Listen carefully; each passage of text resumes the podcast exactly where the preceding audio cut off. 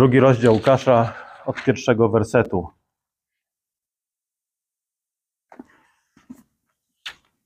Stało się w owe dni, że wyszedł dekret cesarza Augusta, aby spisano cały świat.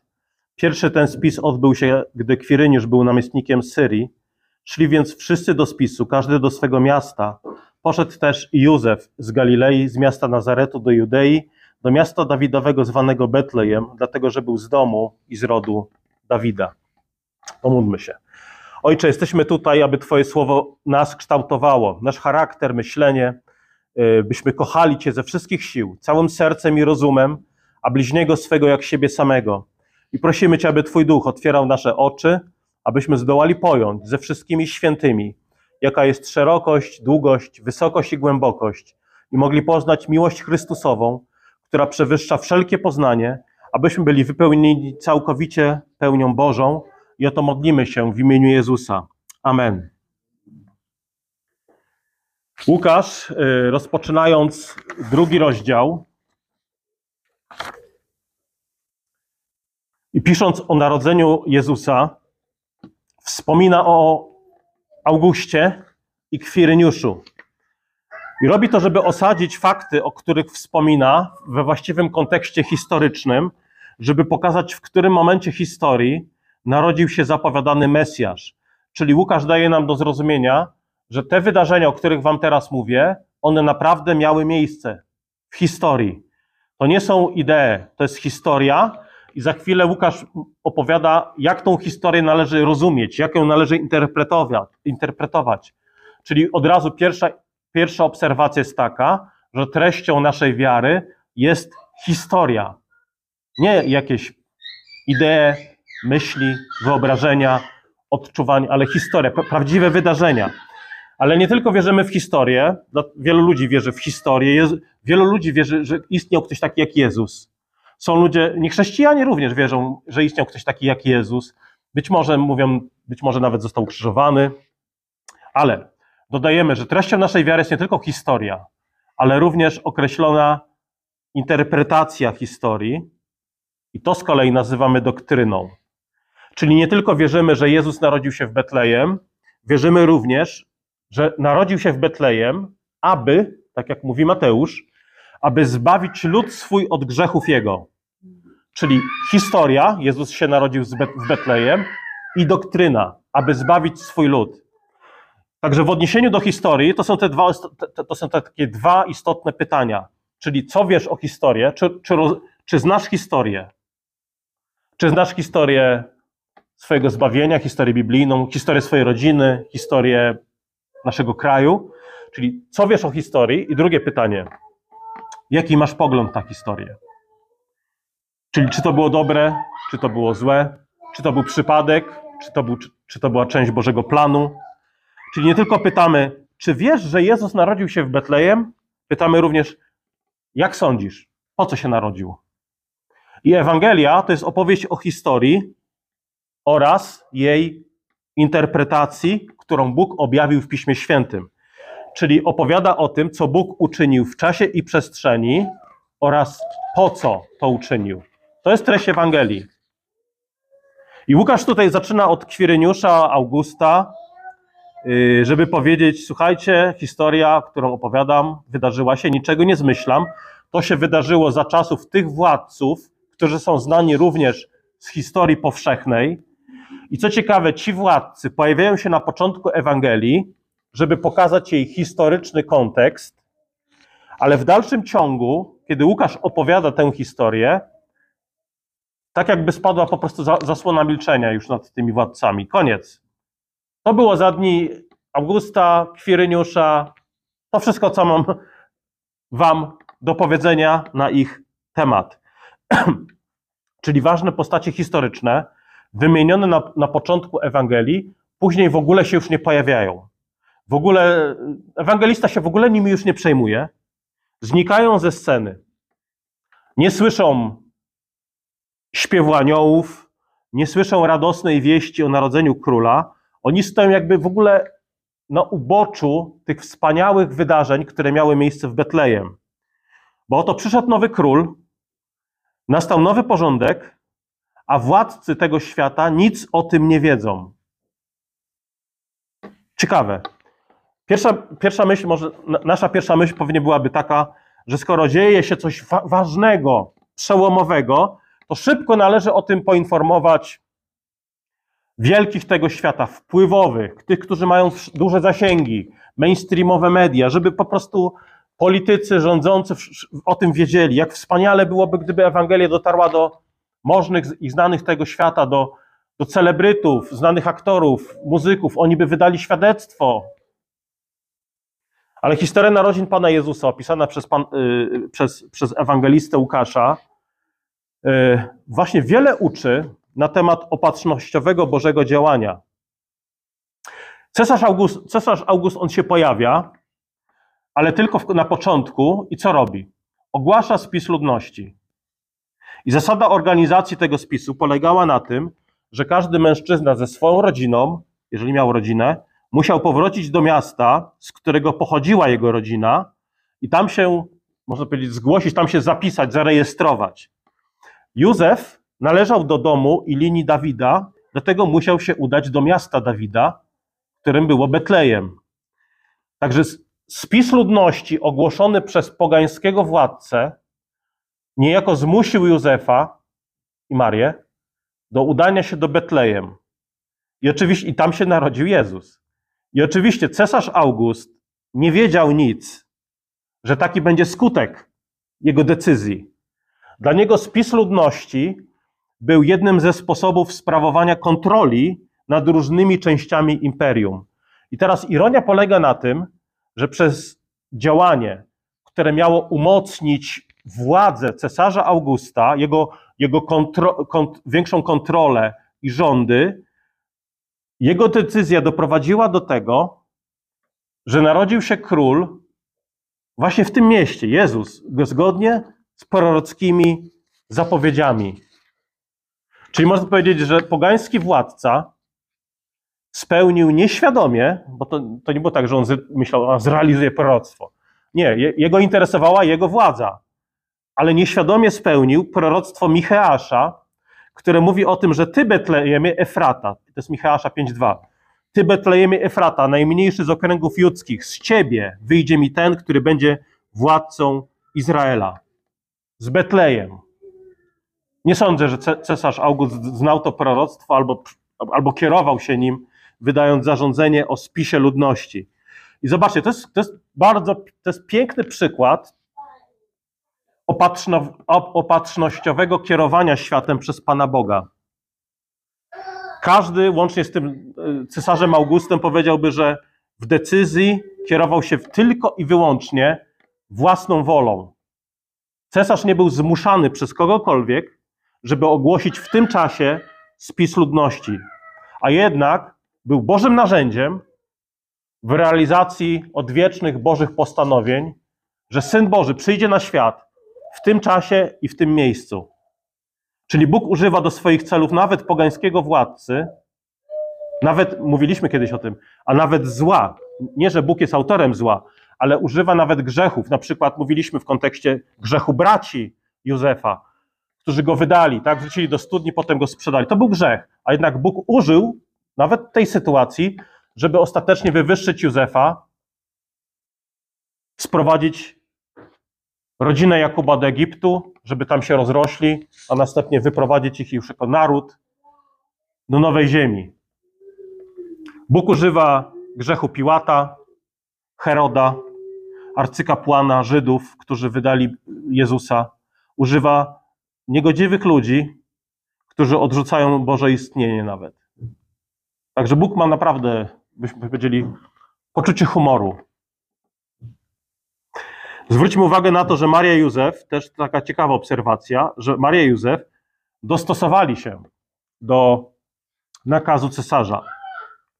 Oni mogli mieć swoje poglądy na temat spisu, że to jest nadmierna kontrola obywateli, że to jest taka zbytnia ingerencja w prywatne życie, ale mimo to wykonali nakaz zgodnie z tym, co później ich syn powiedział: Oddawajcie cesarzowi to, co jest cesarskie, a Bogu to, co boskie.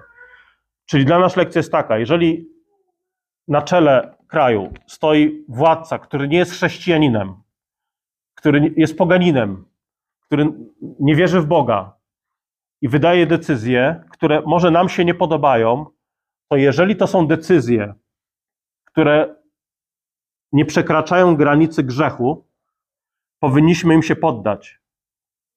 Mówię, czasami władza nakazuje nam grzeszyć. Czasami władza wchodzi w, naprawdę w, no w kompetencje rodzin, na przykład, nie? Yy, nie wiem, potrafi nawet odebrać dzieci z rodziny z powodów, nawet zdarzały się historie, z powodów światopoglądowych, z powodów ekonomicznych. Nie? No to, jest, to jest naprawdę bezbożność, to jest ucisk. Yy, czasami władza zmusza do grzechu i wtedy wierzący, mamy przykład w księdze Daniela, powinni odpowiedzieć nie. Nie oddamy pokłonu Tobie, królowi, ani temu posągowi, ponieważ, tak jak Piotr i Jan mówią, trzeba bardziej słuchać Boga niż ludzi. Ale Józef i Maria y, poszli do Betlejem ze względu na nakaz cesarza. To nie, był, to nie było zmuszanie ich do grzechu, więc posłusznie poddali się władzy. I w tym czasie paradoksalnie Maria urodziła syna. I co ciekawe, sam opis urodzenia Jezusa jest bardzo krótki, jest skromny. Czytamy y, dru, drugi rozdział, siódmy werset, że gdy, szósty werset, gdy, gdy tam byli, już się udali do Betlejem, nadszedł czas, aby porodziła i porodziła syna swego pierworodnego, owinęła go w pieluszki, położyła go w żłobie, gdyż nie było dla nich miejsca w gospodzie. To jest jakby, to, sam moment urodzenia to jest opisany w jednym wersecie, Yy, I Łukasz mówi, że urodziła swe, swego syna pierworodnego. Pierworodnego. Jezus był pierworodnym synem Marii. To jest też ciekawa obserwacja. E, Łukasz nie mówi, że Jezus był jednoro, jednorodzonym albo był jedynakiem. Yy, był pierworodnym. Yy, Łukasz opisując Ewangelię wiedział, bo to spisywał już Ewangelię kilkadziesiąt lat po narodzeniu Jezusa, wiedząc, że Jezus jest najstarszym synem, najstarszym dzieckiem Marii i Józefa, dlatego nazywa go pierworodnym, a, je, a nie jednorodzonym. Yy, także Pismo Święte nie stawia nas tutaj w sytuacji niepewności odnośnie tego, czy Jezus miał rodzeństwo. Na przykład yy, ewangelista Mateusz yy, wymienia, jak sobie przeczytacie w domu, 12 rozdział Mateusza. Tam są nawet imiona podane. Braci i sióstr Jezusa. Nie ma wątpliwości, że to nie byli jacyś dalecy krewni albo uczniowie, ale to, to było rodzeństwo.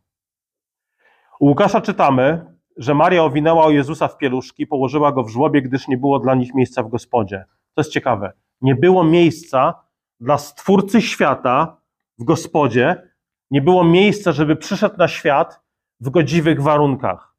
I co ciekawe, nie czytamy, że nie było miejsca w gospodzie, bo ci mm, gospodarze byli wrodzy, okrutni. No nie, nie, nic takiego nie miało miejsca, nie byli wrodzy ani okrutni. Czytamy, że po prostu nie było miejsca.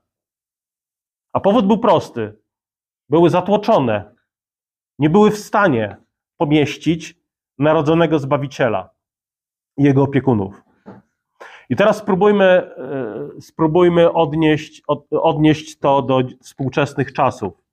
Zobaczcie, że nic się nie zmieniło. Ludzie dzisiaj zwykle nie są wrodzy względem Jezusa. Nawet niewierzący. To nie jest tak, że ludzie są wściekli. No, zdarza się, zdarzają się takie skrajne przypadki, że ktoś bluźni Jezusowi, ale, ale zwykle nie są wrodzy. Raczej ludzie mają serca zatłoczone wieloma sprawami, tak jak ci w gospodzie, wieloma sprawami, troskami doczesnymi, przyjemnościami, marzeniem o, nie wiem, samorealizacji itd., tak itd. Tak I to są rzeczy niekoniecznie złe same w sobie, ale jeżeli to, to jest natłoczenie myśli, zmartwień, trosk i pragnień, jeżeli te rzeczy powodują, że miejsca dla Jezusa już w naszym życiu nie ma, to to jest problem. A czasami tak się dzieje, że ludzie mają po prostu serca przepełnione lękiem, obawami, strachem, gonitwą za przyjemnościami, yy, troską, naprawdę jakieś czasami o drugorzędne rzeczy. Ja nie mówię, że troska o, o nie wiem, opłacenie czynszu jest zła, ale nadmiar trosk, który powoduje, że nie ma miejsca dla Boga w naszym życiu, jest problemem.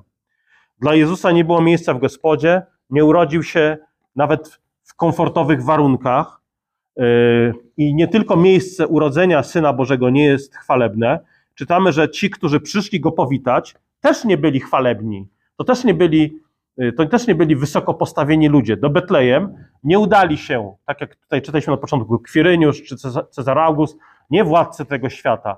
Do Betlejem nie udali się nawet kapłani i uczeni w piśmie, żeby powitać swojego Mesjasza. Yy, nie przyszedł Herod. Pierwsi do Jezusa udali się pasterze. Pasterze, którzy nie byli wcale dobrze traktowani w Izraelu w pierwszym wieku. Oni, można powiedzieć, żyli na marginesie cywilizowanego świata. Stawiano ich w jednym szeregu z nierządnicami i celnikami. Pogardzano nimi, ponieważ ich profesja sprawiała, że nie byli w stanie zachowywać ceremonialnych przepisów w Izraelu.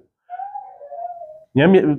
Pracowali ze zwierzętami, można powiedzieć. Często podróżowali, co sprawiało, że byli traktowani jak złodzieje. W Starym Testamencie pasterz jest symbolem przywódcy Bożego Ludu. Bóg jest przyrównany nawet do pasterza.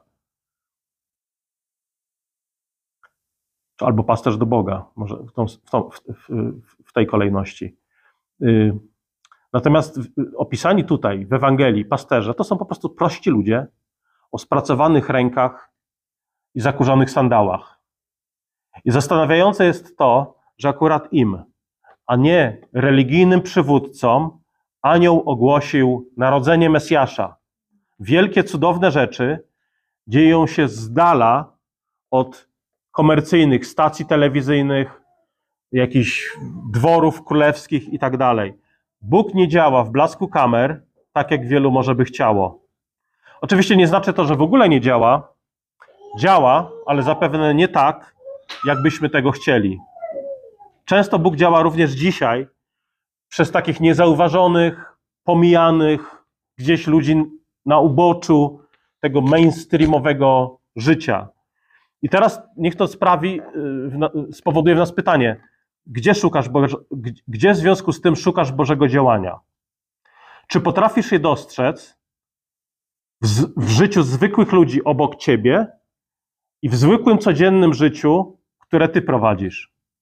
Czy potrafisz dostrzec to Boże działanie w prostych czynnościach, codziennych obowiązkach w rodzinie, w pracy, może w niedużej wspólnocie? Anioł nie udał się ani do Heroda, ani do arcykapłana, ani do cesarza Augusta. Dla nich była przeznaczona inna, smutna wieść. I zauważmy ten kontrast. Podczas gdy Cezar August był otoczony przez armię, przez bogatych najemników, to król nieba jest otoczony przez zwykłych, pogardzanych często pasterzy. Czyli do, nowina okazała się dobra dla ludzi wykluczonych z głównego nurtu życia politycznego, religijnego. To była dobra nowina dla zwykłych ludzi, dla Józefa, dla Marii. Potem czytamy dla Simeona, Anny, dla pasterzy. Natomiast dla możnych wiadomość o, o narodzeniu Mesjasza to, to była wiadomość, bo to też do, ta wiadomość dotarła w końcu do nich, ale okazała się, można powiedzieć, zmorą spędzającą sen z powiek. Herod był podirytowany, zdenerwowany, kiedy się dowiedział. I zobaczcie, niekiedy sądzimy, że służba Bożego Królestwa nabrałaby rozmachu, byłaby o wiele skuteczniejsza, gdybyśmy tylko ustanowili jakieś, nie wiem, mieli wzniosłe wizje, programy, ustanowili, e, nie wiem, znieśli wielkie kościoły, mieli jakieś, nie wiem, wpływowe fundacje i tak dalej, gdybyśmy mieli w naszych szeregach celebrytów, artystów, polityków, no to wtedy chrześcijaństwo by się rozrastało, Ludzie przyjmowaliby Ewangelię patrząc na życie nawróconego aktora. Zobaczcie, że tak to nie działa. To tak nie działa. Bóg, Bóg tak nie działa. Bóg nie skończył y, szkolenia z marketingu religijnego i dobrego wizerunku. Dlatego przesłanie Bożego Narodzenia jest właśnie takie. To, co jest niskiego rodu, u świata i co wzgardzone. Wybrał Bóg w ogóle to, co jest niczym, aby to, co jest czymś, unicestwić, aby żaden człowiek nie chełpił się przed obliczem Bożym, jak mówi Paweł w liście do Koryntian. Historia Bożego Narodzenia powinna nas uwrażliwić na dostrzeganie Bożego działania w życiu ludzi, którzy są pomijani, na dostrzeganie Bożego działania Twoim życiu. Kiedy naprawiasz lampę, kiedy przetykasz rurę w kuchni, kiedy sprzątasz yy, dom, kiedy wycierasz kurze, kiedy wychodzisz z psem, kiedy wykonujesz proste czynności, za które świat cię nie będzie stawiał na, na piedestale i nie będzie tam, nie wiem, klikał lubię to na Facebooku, ale Bóg widzi. I to są rzeczy chwalebne, bo poprzez te rzeczy, zwykłą, zwykłą wiarę ukazaną w codziennych czynnościach, Bóg buduje swoje królestwo. I ta historia powinna uczyć nas też, też pokory, że najważniejsza osoba, jaka kiedykolwiek chodziła po ziemi, zamieszkała z Marią i Józefem, zwykłymi ludźmi, w mieście Nazaret. Tak, Nazaret to jest miasto w Galilei, które, mówiliśmy, nie miało dobrej opinii. Nazaret ani razu nie jest wymieniony w Starym Testamencie. Są tam wymienione takie miasta jak Hebron, Betel, Sylo, Gibea, Rama. One miały znacznie, znacznie ważniejsze znaczenie, przynajmniej w Starym Testamencie, ale Bóg wybrał właśnie Nazaret na miejsce zamieszkania Jezusa. To jest kolejny przejaw Jego uniżenia. Także narodziny Jezusa były początkiem, można powiedzieć, inwazji na królestwo diabła, no nawet na królestwo człowieka. Królestwo Boże nie mogło wyłonić się z, z politycznych struktur władzy. Dzisiaj ludzie traktują polityków jak mesjaszy. Jedni rozpaczają, bo ktoś stracił władzę, drudzy się cieszą, bo nie wiem, ich mesjasze objęli władzę. Często, często ubóstwiają politykę. To jest dla nich największy sens, że polityka rozwiąże po prostu wszystkie ich problemy tego, te, tego życia i tego świata. Ale Boże Narodzenie uczy nas, że ratunek dla człowieka musiał przyjść z zewnątrz, nie z politycznych struktur władzy. Dlatego nie możemy złożyć naszej ufności w książętach, możnych, premierach, prezydentach, królach tego świata, lecz w królu narodzonym w Betlejem. Anioł zwiastował radosną nowinę, jeszcze raz powiem, nie mocarzom tego świata, lecz zwykłym ludziom. I co ciekawe, zwróćcie na to uwagę, w czasie ich pracy czytamy, że pasterze trzymali straże nocne, czuwali nad stadem. Byli w, w robocie. I Bóg przyszedł do nich w trakcie ich codziennych czynności. To pewnie był jeden z wielu dni dla nich. To nie był dla nich szczególny. Nie wiedzieli, czego się spodziewać. A jednak Bóg przyszedł do nich w środku ich obowiązków, w środku pracy. Bóg umacnia się, kiedy sumiennie i uczciwie wykonujesz powołania. Bóg widzi. Działa w nas i poprzez nas, kiedy jesteśmy wierni w tym, nie wiem, uczniowie, w nauce, dorośli, w pracy, w rodzinach, w naszych domach. Pan Jezus, pamiętacie, powołał uczniów, dwunastu apostołów, kiedy? Kiedy byli w robocie, podczas łowienia ryb, albo pobierania cła, jak Mateusz. Czyli Bóg miesza się w nasze codzienności i spotyka nas podczas naszych zajęć. To jest niezwykłe, że Bóg wybiera prostych ludzi, by jako pierwsi dowiedzieli się o przyjściu Mesjasza i potem poszli i opowiedzieli o tym innym. I jeszcze raz podkreślę, to nie znaczy, że Bóg pomija bogatych, możnych tego świata. Nie pomija, ale daje pierwszeństwo tym, którzy są najmniejsi w oczach świata. I to też powinno nam pomóc poustawiać właściwie priorytety w naszym życiu, że Bóg wywyższa słabych, niezauważonych, wcale nie mądrych w oczach tego świata. Apostoł Paweł mówi, żeby Kościół otaczał szacunkiem właśnie mniej zacnych, troszczył się o sieroty, o wdowy, otaczał opieką chorych.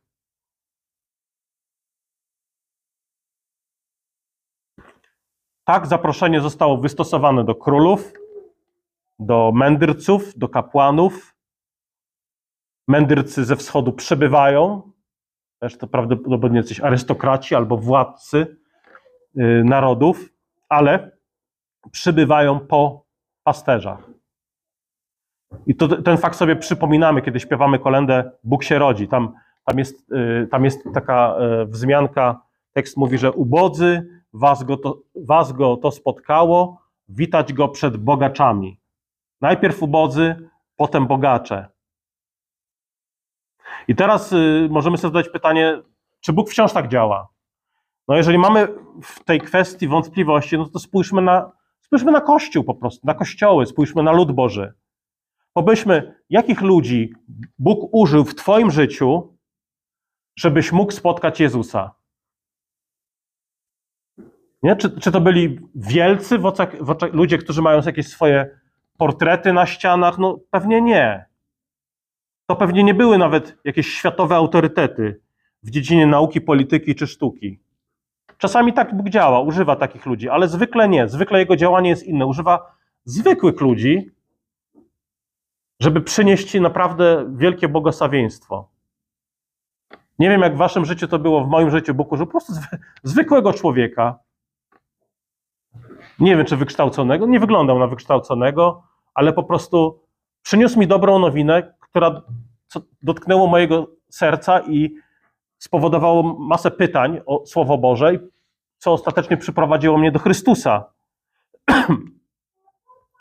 I tak jest, zobaczcie, że chwała Boża lśni najjaśniej w tym, co w oczach świata jest głupie, liche.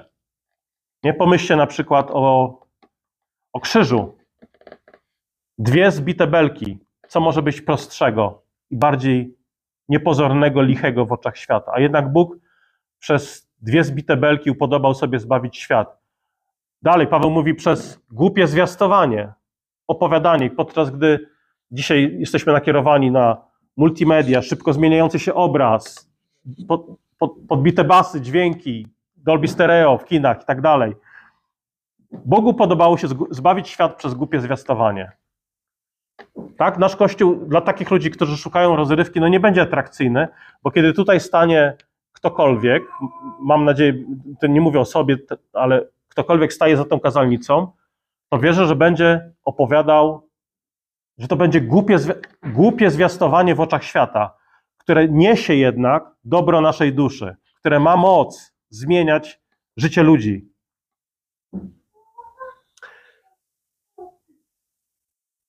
Co ciekawe, y, y, anioł mówi do pasterzy: Wam narodził się zbawiciel. Oczywiście narodził się wszystkim, ale to nie było tak, że poszedł do, nie wiem, Heroda, arcykapłana i oznamił: Wam narodził się zbawiciel. Oczywiście oni też zostali później zaproszeni, ale słowa Wam narodził się zbawiciel. Anioł kieruje właśnie do zwykłych, prostych ludzi. Y, nie tylko informuje komu narodziło się dziecko, urodziło się wam, on przyszedł dla was, to nie jest jedynie dziecko, które rodziło się Marii i Józefowi, on przyszedł dla was, to jest wasz Zbawiciel, ale anioł mówi, kim jest to dziecko. Narodził się, mówi anioł, Chrystus Pan w mieście Dawidowym. Werset 11. Narodził się wam Zbawiciel, którym jest Chrystus Pan w mieście da y, Dawidowym. Yy, jeżeli nie, jeżeli nie traktujemy Jezusa w sposób, w jaki przedstawili go aniołowie, to, to nie przeżywamy w sposób szczery czy właściwy Bożego Narodzenia. Zobaczcie, dlaczego, dlaczego świętujemy Boże Narodzenie? Dlaczego mamy nabożeństwo dzisiaj, mimo że jest poniedziałek? No bo mamy pierwszy dzień świąt Bożego Narodzenia. A dlaczego celebrujemy Boże Narodzenie? Ponieważ narodził się kto? Chrystus Pan. W taki sposób przedstawiają Jezusa aniołowie. Czyli jeżeli nie znasz Chrystusa jako Pana, to nie znasz Chrystusa. Jeżeli znasz Chrystusa jako moralnego nauczyciela, no, nauczyciela etyki, który czynił dobro, tutaj potrafił uzdrowić, potrafił coś mądrze powiedzieć. Jeżeli znasz Jezusa jedynie jako kogoś, kto uzdrawia, albo kogoś, kto uczy w wspaniały sposób, to nie znasz Jezusa, jakim jest prawdziwie. Bo aniołowie przedstawiają go przede wszystkim jako Chrystusa Pana. I takim powinniśmy go znać. Jezus jest Panem. nie tylko Twojego serca, ale jest Panem każdego centymetra sześciennego w Gdańsku, na Ukrainie, Białorusi, w Ameryce, na całym świecie. W historii Bożego Narodzenia Bóg przypomina, że Jego moc objawia się w słabości. Zbawiciel przyszedł na świat jako niemowlę, urodzone w otoczeniu brudnych, pogardzanych ludzi, z dala od salonów tego świata. Bardzo często Bóg realizuje swoje plany przez zwykłych, często słabych ludzi. E, Stary Testament też o tym mówi. Zobaczcie, Mojżesz.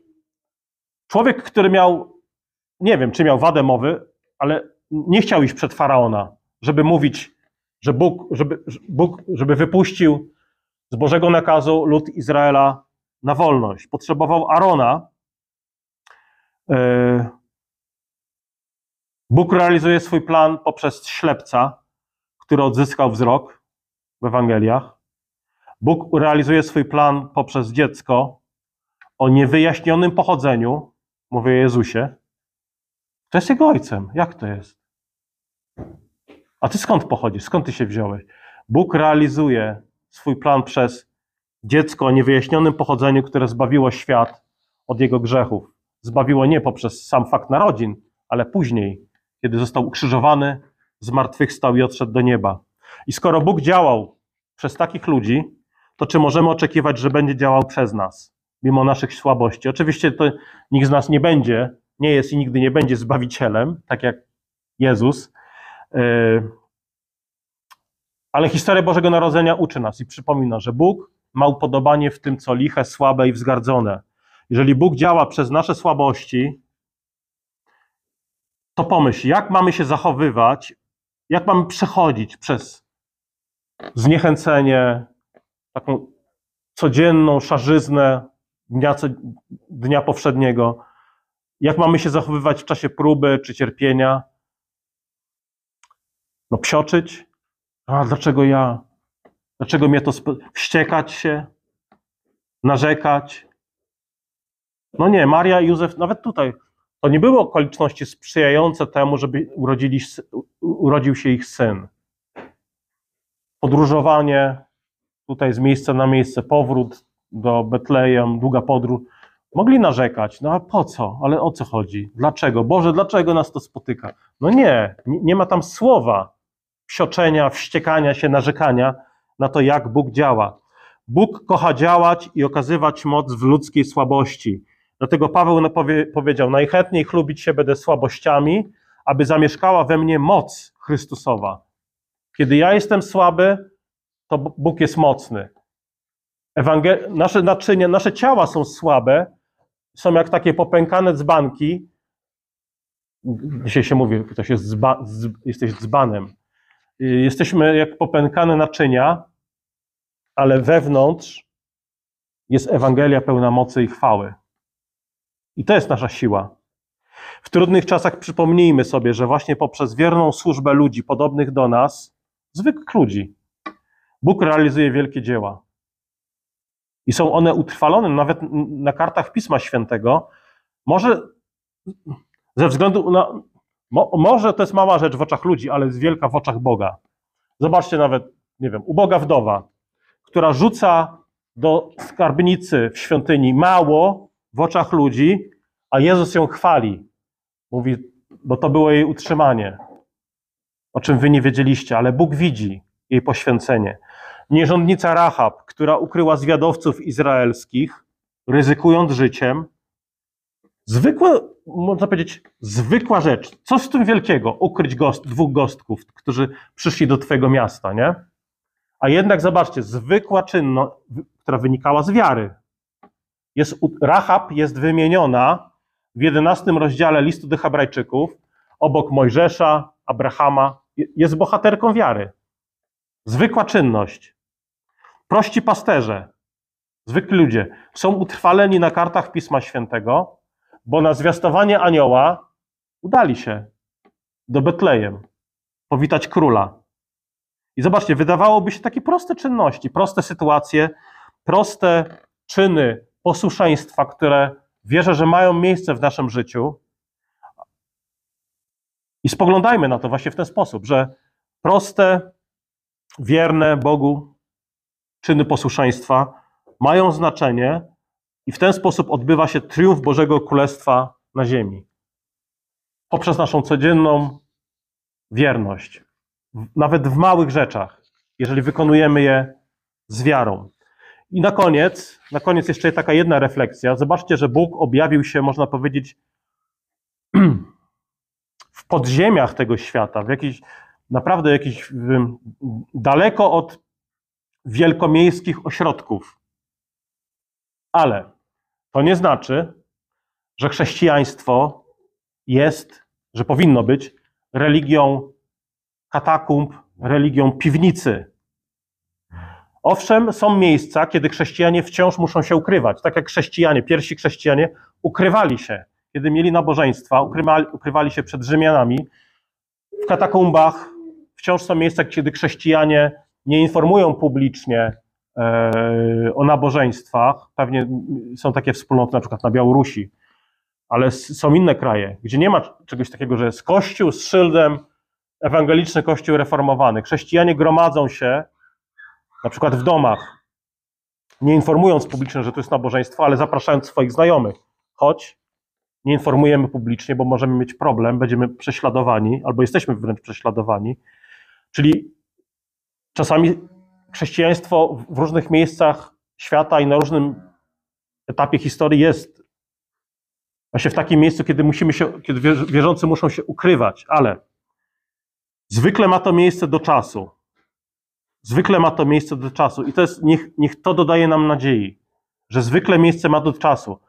Y, ukrywanie się ma miejsce do czasu. Ta, ta piwniczność na pewnym etapie jest Bożą drogą przemieniania, przemieniania świata. Zwróćcie uwagę, że Kościół bardzo się rozwijał w czasach prześladowań, kiedy chrześcijanie musieli się rozproszyć i zanieść dobrą nowinę tam, gdzie Bóg ich posłał. Wszystko zaczyna się od grupy prostych ludzi, apostołów, wszystko zaczyna się lokalnie, od, od Betlejem, potem Nazaretu, potem Jerozolima, ale potem jest Judea, Samaria, krańce ziemi. Dzieje apostolskie kończą się, zaczynają się w Jerozolimie, świątynia, a kończą się w Rzymie, kiedy Paweł apostoł staje przed władcami, najpotężniejszymi ludźmi tego świata. Ale to jest na końcu, to jest na końcu dziejów. Także nasze zadanie jest takie: oznajmiaj, oznajmiaj dobrą nowinę poprzez Twoją wierność Bogu, poprzez zwykłe rozmowy ze zwykłymi ludźmi, w tym jest moc. Świat ma odpowiedzialność wierzyć Słowu. To nie jest tak, że my przepraszamy. Oj, wiesz, jestem chrześcijaninem i przepraszam, ale chciałbym Ci powiedzieć o Jezusie, bo to jest mój obowiązek. Nie przepraszamy. Świat ma odpowiedzialność wierzyć Słowu Bożemu. Świat ma odpowiedzialność ugiąć kolano wraz z nami przed Bogiem, który stał się człowiekiem i pozostanie człowiekiem na wieki. Prawdziwie Bogiem i prawdziwie człowiekiem. Nasz Pan Jezus Chrystus. Gdyż dziś narodził się wam Zbawiciel, oznajmiają aniołowie, którym jest Chrystus Pan w mieście Dawidowym. Pomódlmy się. Ojcze, jesteśmy wdzięczni za to, że Twoje słowo jest wciąż żywe, że nie jest jakimś reliktem minionych wieków, że jest żywym pokarmem, który nas wzmacnia i kształtuje. I chcemy, Panie, aby to Twoja mądrość, a nie mądrość tego świata, kształtowała nasze pragnienia, nasz duchowy apetyt. Modlimy się, aby usłyszane słowo, abyśmy, aby ono wydawało owoc w naszym życiu, abyśmy je zachowywali, ale też abyśmy czynili z niego właściwy użytek w naszym codziennym życiu. I modlimy się o to przez imię narodzonego w Betlejem Króla Królów i Pana Panów, Jezusa Chrystusa. Amen.